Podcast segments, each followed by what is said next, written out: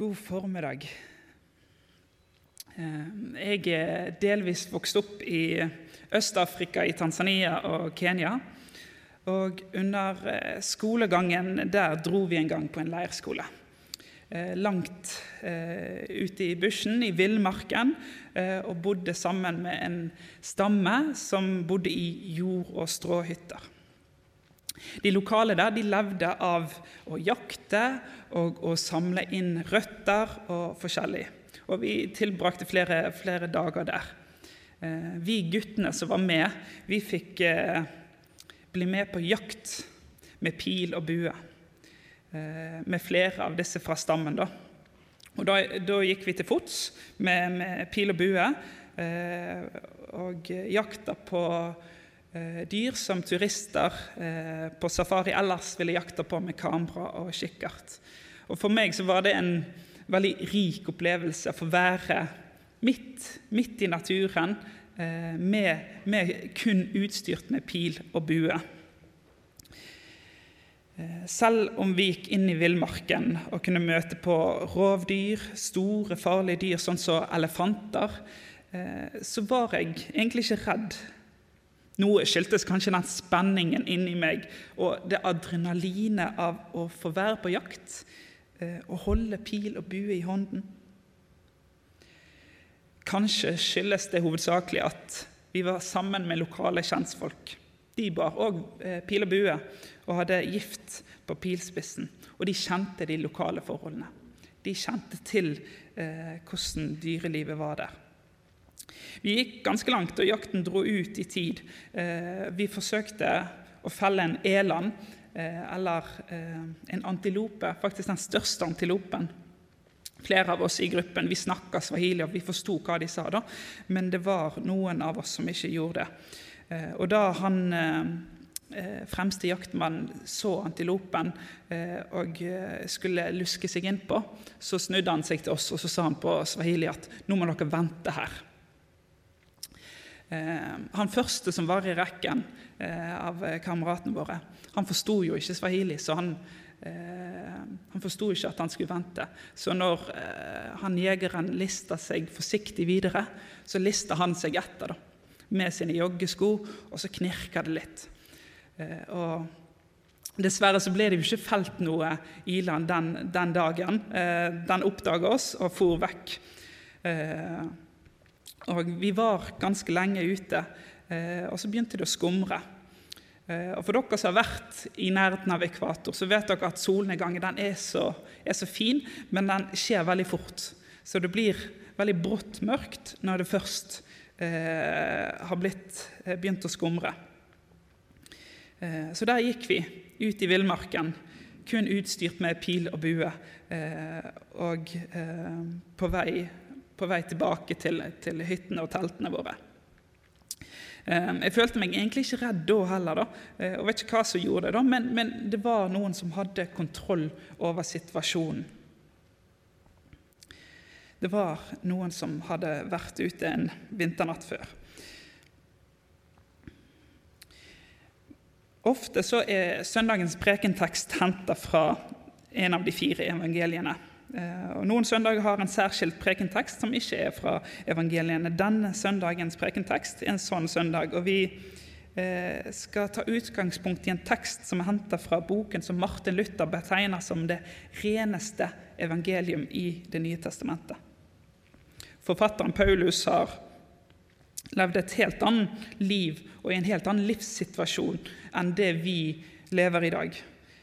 På mange måter kan det kanskje minne mer om den opplevelsen jeg hadde fra villmarken i Tanzania, enn det jeg lever i dag, uten at jeg skal trekke den parallellen for, eh, for mye. Eh, Paulus møtte på farer, eh, trusler, forfølgelse fra villdyr i villmarken, for naturkrefter, stormer og mye annet. Ja, Han møtte ikke bare på farene, han fikk òg oppleve konsekvensene av dem. Søndagens tekst er skrevet av en person som er i en helt annen kontekst, og på et språk som er helt annerledes enn det vi leser på i dag. Men jeg er likevel overbevist om at det har noe å lære oss I motsetning til kameraten vår som ikke forsto swahili, og som da ikke kunne følge med på det som ble sagt, så har vi fått det oversatt. Eh, og det gir oss muligheten til å forstå og lære av, selv om det kanskje ikke opprinnelig ble sendt i brevform til Bergen Indremisjon. Eh, la oss lese dagens tekst. Eh, la oss reise oss for eh, den. Og så leser vi fra Romerne 8, vers 31-39 i Jesu navn. Hva skal vi så si til dette? Er Gud for oss, hvem er da mot oss? Han som ikke sparte sin egen sønn, men ga ham for oss alle. Kan, kan han gjøre noe annet enn å gi oss alt? sammen med ham. Hvem kan anklage dem som Gud har utvalgt? Gud er den som frikjenner. Hvem kan da fordømme? Kristus Jesus er den som døde, ja, mer enn det. Han sto opp og sitter ved Guds høyre hånd, og han ber for oss. Hvem kan skille oss fra Kristi kjærlighet? Nød, angst, forfølgelse, sult, nakenhet, fare eller sverd. Som det står skrevet, for din skyld drepes vi dagen lang. Vi regnes som slaktesauer. Men i alt dette vinner vi mer enn seier ved Ham som elsket oss. For jeg er viss på at verken død eller liv, verken engler eller krefter, verken det som nå er, eller det som kommer, eller noen makt, verken det som er i det høye eller det dype, eller noen annen skapning, skal kunne skille oss fra Guds kjærlighet i Kristus Jesus, vår Herre. Vær så god, sitt.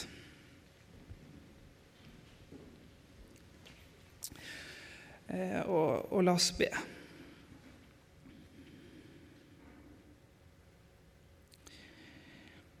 Gode Gud, jeg takker deg for disse store ordene. Jeg ber om at du må åpne våre hjerter i dag, så vi kan ta til oss det du vil si oss. Hjelp oss å lytte til det du vil dele, Herre. Jeg ber for denne gudstjenesten at du må velsigne den. I Jesu navn. Amen. Det er noe uovervinnelig med denne teksten. Som om noe ikke kan stanse oss, og kontrastene er store. Det ene øyeblikket er vi slaktesauer. Det neste er vi uatskillelige fra Guds kjærlighet. Men det er ikke noen motsetning. Det er en invitasjon til en ubetinget tillit til Gud. Øyvind Andersen han oppsummerer denne delen av romerbrevet, altså kapittel 6-8, i tre deler. Kapittel 6 å leve som en kristen virkeliggjøres bare under nåden, i samfunn med Jesus, ikke under loven. Andre del, kapittel 7. Loven som i seg selv er hellig og god og fullkommen, som Gud selv kan verken hjelpe et menneske til å bli en kristen eller hjelpe en kristen til å leve som en kristen. Og den del tre, som gjelder kapittel åtte. Kristen, kristenlivet er et liv i Kristus. Derfor er det en vandring i Ånden. Her i tiden virkeliggjøres det under trengsler og lidelser. Men det fører en kristen mot herlighet i det fullkomne Guds rike. Herliggjørelsen fullendes i Helliggjørelsen fullendes i herliggjørelsen. Denne teksten vi leste i dag, og for så vidt resten av romerbrevet, er et teologisk mesterverk av Paulus. Og Romerbrevet er sentralt i vår lutherske teologi. Martin Luther sier om romerbrevet at det er den viktigste delen av Det nye testamentet, og som det reneste evangelium. Samtidig så inneholder eh, det elementer der evangeliske trossamfunn, slik som vår lutherske, reformerte og pentakostale, ser ulikt på hva som menes om frelsen og fortapelsen. Vi er enige i det mest grunnleggende, men samtidig er det så mye tung teologi i eh, romerbrevet at konfesjonene tenker noe ulikt. Eh, noen av de teologiske uenighetene, gjerne kanskje særlig det, den delen som kommer før og etter dette avsnittet vi leste.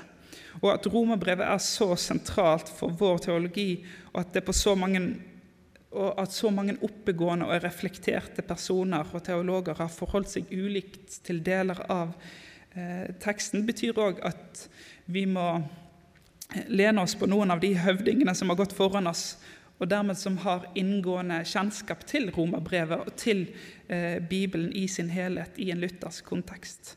Vår del av eh, av eh, romerbrevet havner altså i den delen Øyvind Andersen betegner som tredje del av denne delen. Det blir litt sånn deler her. Eh, og omhandler altså kristenlivet. Et liv i Kristus.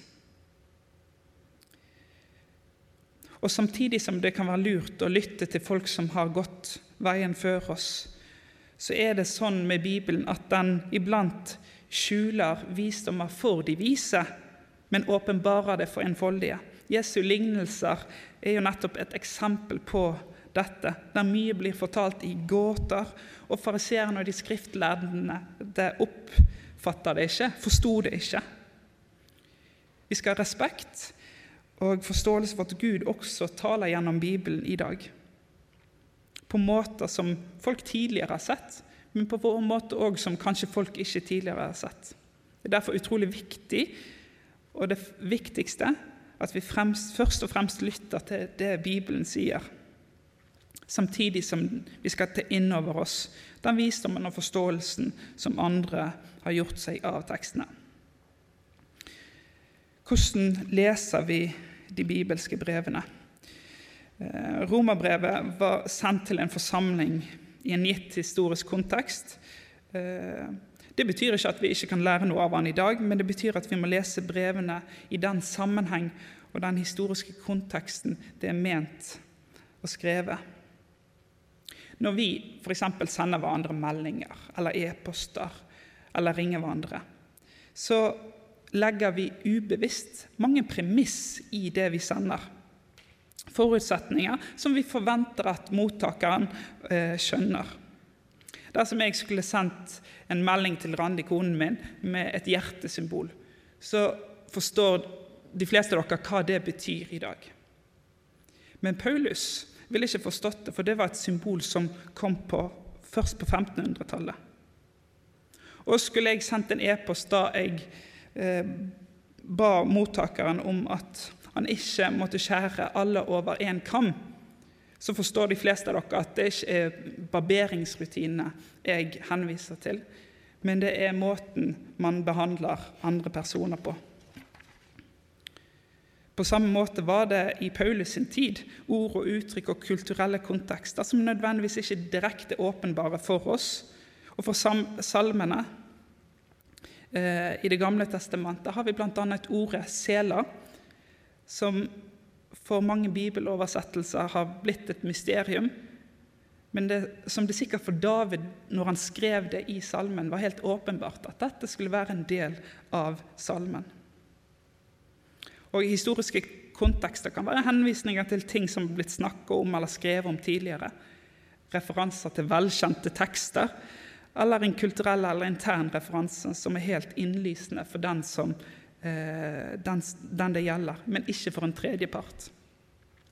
Og Paulus han refererer mye til Det gamle testamentet. Men det er også referanser til apokryfene, til greske tekster, til forfattere og elementer som vi ikke alle kjenner i Bibelen.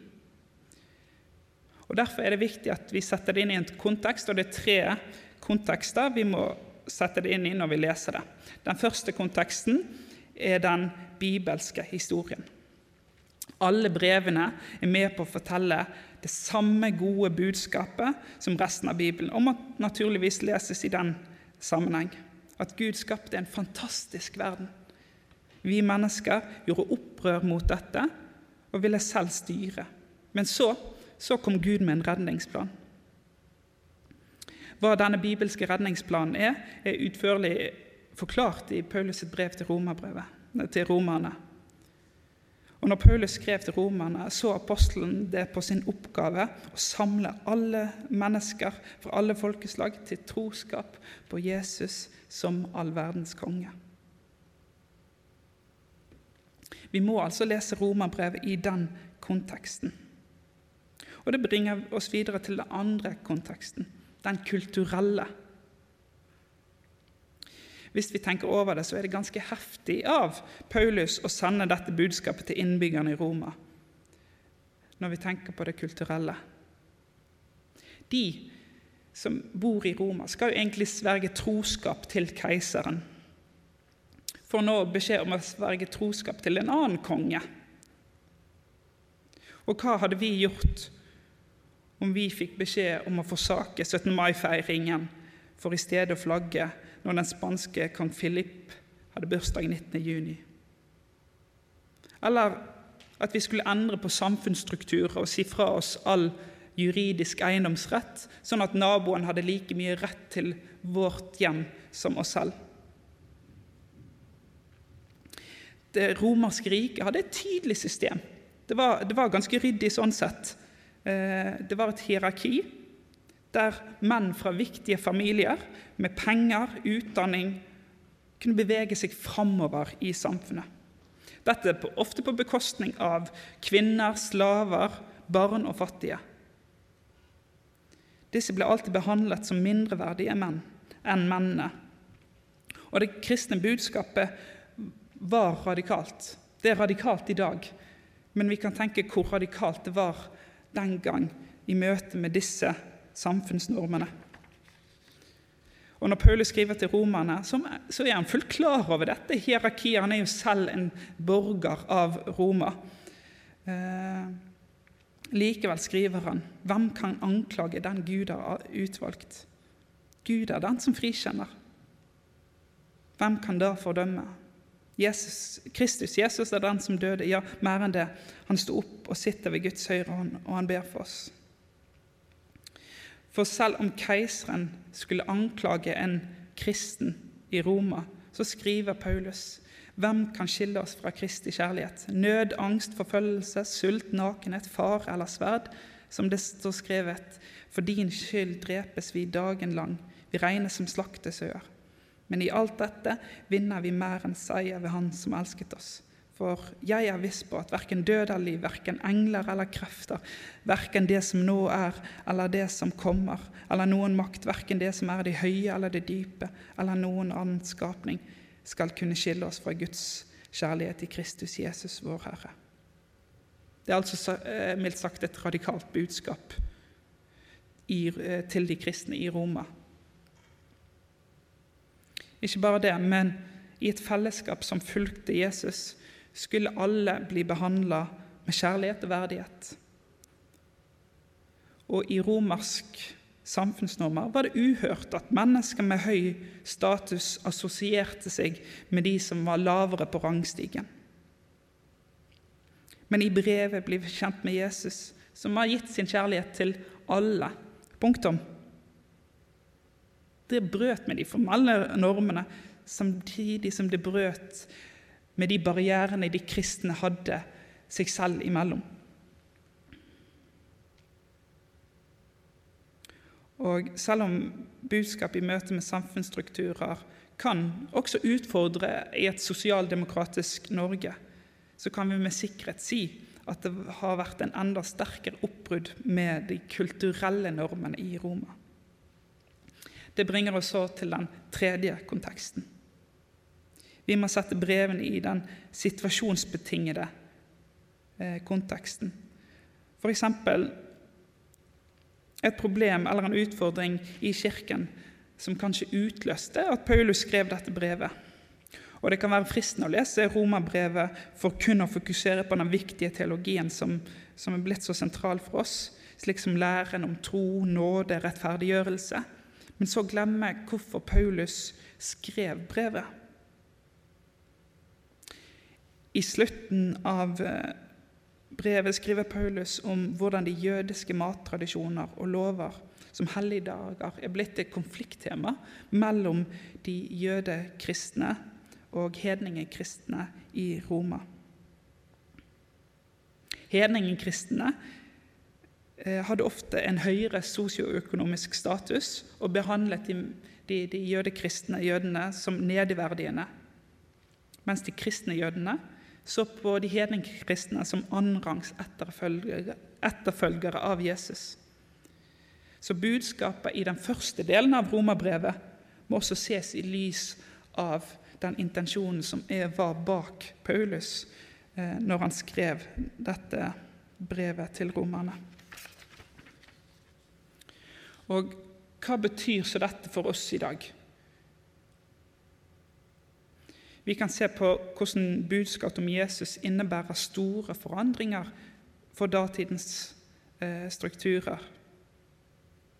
Dette gir oss òg visdom om hvordan evangeliet om Jesus skal forandre vår kultur. For selv om samfunnet i Norge må sies å være strukturelt forskjellig fra Roma under dets storhetstid, finner vi tross alt likheter. Den svenske teologen og bibeloversetteren Bo Gjertz sier om dagens lesetekst at denne tekstens overbevisning om å være utvalgt inngir en dyp trygghet. Den avhenger altså ikke av oss, men av Gud. Har Han på denne måten grepet inn i våre liv, så vet vi at Han vil føre oss helt frem til målet. Hvem kan hindre det? Hvem kan anklage eller fordømme oss? Videre skriver han at Paulus skriver stadig opp nye navn på lidelser, hindringer, fristelser, onde makter, og så setter han en strek over dem. Alle. De kan aldri skille oss fra Guds kjærlighet, som har møtt oss i evangeliet. Dermed avslutter Paulus for fjerde gang med de ordene som rommer alt han ville si i Kristus, vår Herre.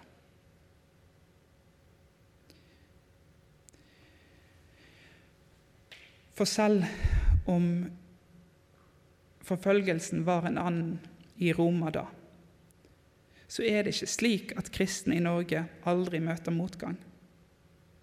Eller at livene våre aldri kan være tunge eller krevende. Vi vet at det er mye lidelse og smerte også i Norge. Og Bibelens budskap er at disse prøvelsene ikke betyr et oppbrudd med Gud. At han er nærmere på de gode dagene enn de onde. Nei, lidelsen kan nemlig ikke skille oss fra Guds kjærlighet og troen på Jesus. I Kristus er vi trygge, vi er fri, vi er frelst. Martin Luther skriver i følgende I kapittel 8 trøster Paulus de som kjemper og forteller at dette kjøttet ikke vil gi dem fordømmelse. Han fortsetter med å vise hva kjødets og åndens natur er. Ånd, sier han, kommer fra Kristus, som har gitt oss sin hellige ånd. Den hellige ånd gjør oss åndelig og behersker kjøttet. Den hellige ånd forsikrer oss om at vi er Guds barn, uansett hvor synden kan rase i oss, så lenge vi følger Ånden og kjemper mot synd for å drepe den. Fordi ingenting er så effektivt for å drepe kjøttet som kors og lidelse trøster Paulus oss i lidelsen.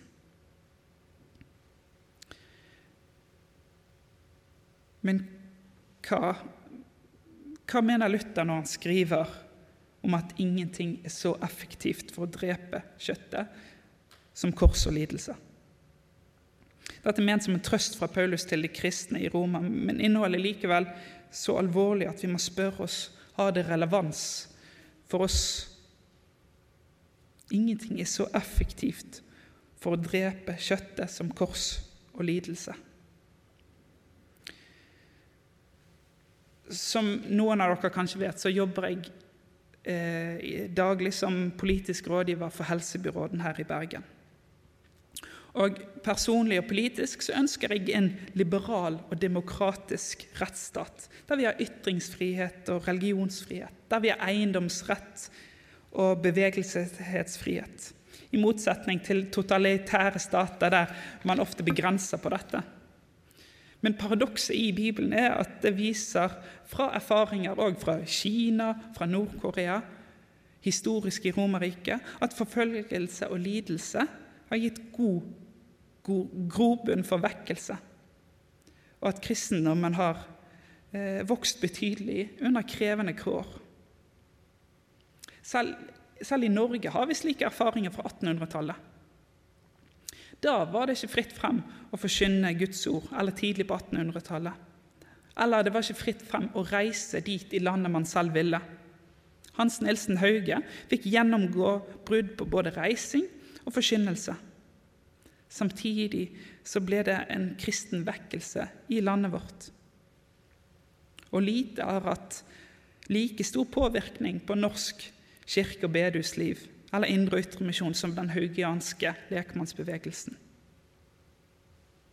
Det betyr ikke at vi skal trakte etter eh, et Norge som minner mer om 1700- og 1800-tallet, eller som Somalia i dag. Men jeg tror det er viktig at vi innser det paradokset som finnes her i kristendommen. Men helt uavhengig av den politiske situasjonen her i landet, så har vi alle behov for det samme. Vi har behov for føde. Uavhengig av om vi bor her i Bergen eller i Pyongyang i Nord-Korea. Vi trenger stadig vekk å høre budskap om frelse. Det tror jeg også dere innser. Det er jo bl.a. derfor vi går på gudstjeneste. For å høre sannheten om Jesus som verdens frelser. Gang på gang på gang på gang ikke fordi vi ikke har hørt det før, men fordi vi som mennesker trenger en påminnelse om det. For mennesker under forfølgelse kan kanskje dette behovet være enda tydeligere enn for eh, oss her i dag. C.S. Lewis har skrevet en slående bok om denne problemstillingen. Og Det er nesten som han treffer bedre på det norske samfunnet i dag enn når han var skrevet 80 år siden i Storbritannia. Eh, I den satiriske romanen 'Djevelen dypper pennen' eh, Den kan sikkert fås eh, på Bergen kristen bokhandel uten at jeg har sjekka med de da. Men den er formert som en rekke brev fra en høyt rangert demon, Thomas Skrue, til sin nevø Malurt. Den unge og uerfarne demonen ute på sitt første oppdrag blant menneskene. og Boken består av 31 brev som Eh, inneholder råd om hvordan man lurt skal sikre seg sjelen til et menneske. Mennesket det her er snakk om, da, er, kalles pasienten og er en mann som lever i England eh, før og under andre verdenskrig. Og Thomas Grue refererer til Satan som vår far og Gud som fienden. Og Nesten alle brevene avsluttes med 'din hengivne Thomas Grue'. Jeg har lyst til å lese et utdrag fra den boken som skildrer starten Eh, av andre verdenskrig fra demonen Tom Skrues perspektiv.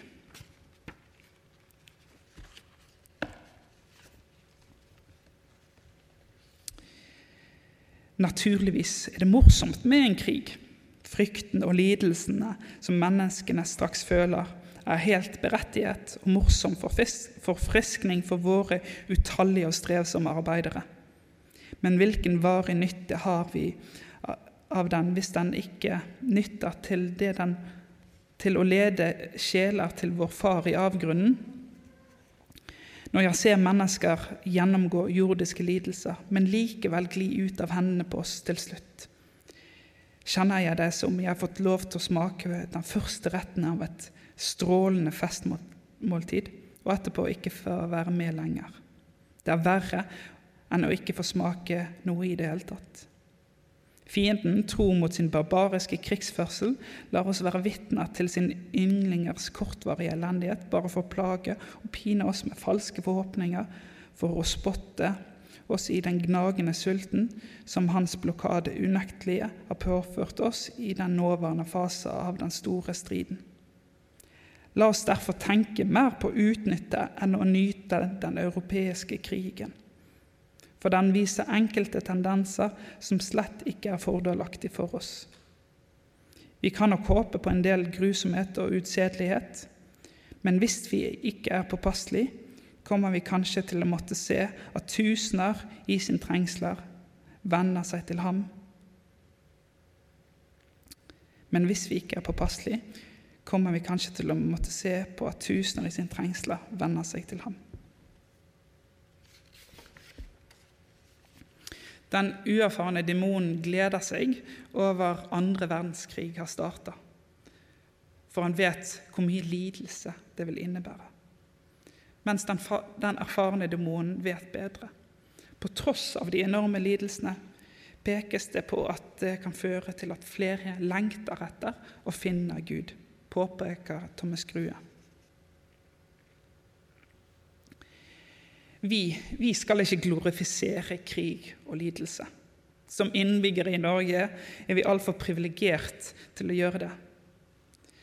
Samtidig opplever vi alle krevende ting iblant. Selv om det ikke er snakk om 39 piskeslag, slik Paulus dokumenterte at han mottok fem ganger, så er det også lidelse i Norge. Det er også kristne som opplever mobbing, tilsidesettelse eh, og mobbing pga. sin tro. Avisen Dagen har vist at det å ha en kristen bakgrunn, eh, slik som f.eks. bibelskole på CV-en, har like negativ innvirkning på en jobbsøknad som det å ha et utenlandsk navn. Vi kan alle være enige i at det er diskriminerende eh, å utelukke folk fra jobb pga. hva de heter. Og på samme måte så er, er det òg diskriminering at folk pga. at de har en kristen bakgrunn, ikke blir vurdert til et arbeid eller til en jobbansettelse. Mange av de lidelsene norske kristne opplever, har en helt annen karakter enn det Paulus og de første kristne hadde. Men trøsten han gir, er likevel relevant for oss. Paulus er trygg på at Guds konstante tilstedeværelse og veiledning i livet, den er der. I stedet for å se på motgangen som et tegn på Guds, at Gud har overgitt oss til oss selv, og at vi er alene, så sier han at det skyldes den, den falne verden som venter på en endelig frigjøring. Det er dette han forsøker å argumentere for i dagens tekst. Og Paulus verken trakter etter eller herliggjør eh, lidelsen. Selv ba han til Gud om at han måtte fjerne en torn i kjødet, uten at Gud valgte å gjøre det. Paulus skisserer likevel et stort paradoks her i lidelsen, at Gud fortsatt er nær. For det er kanskje når det er vondt og vanskelig, at vi lett ser Gud. At det er de dype dalene at den himmelske utsikten er aller best.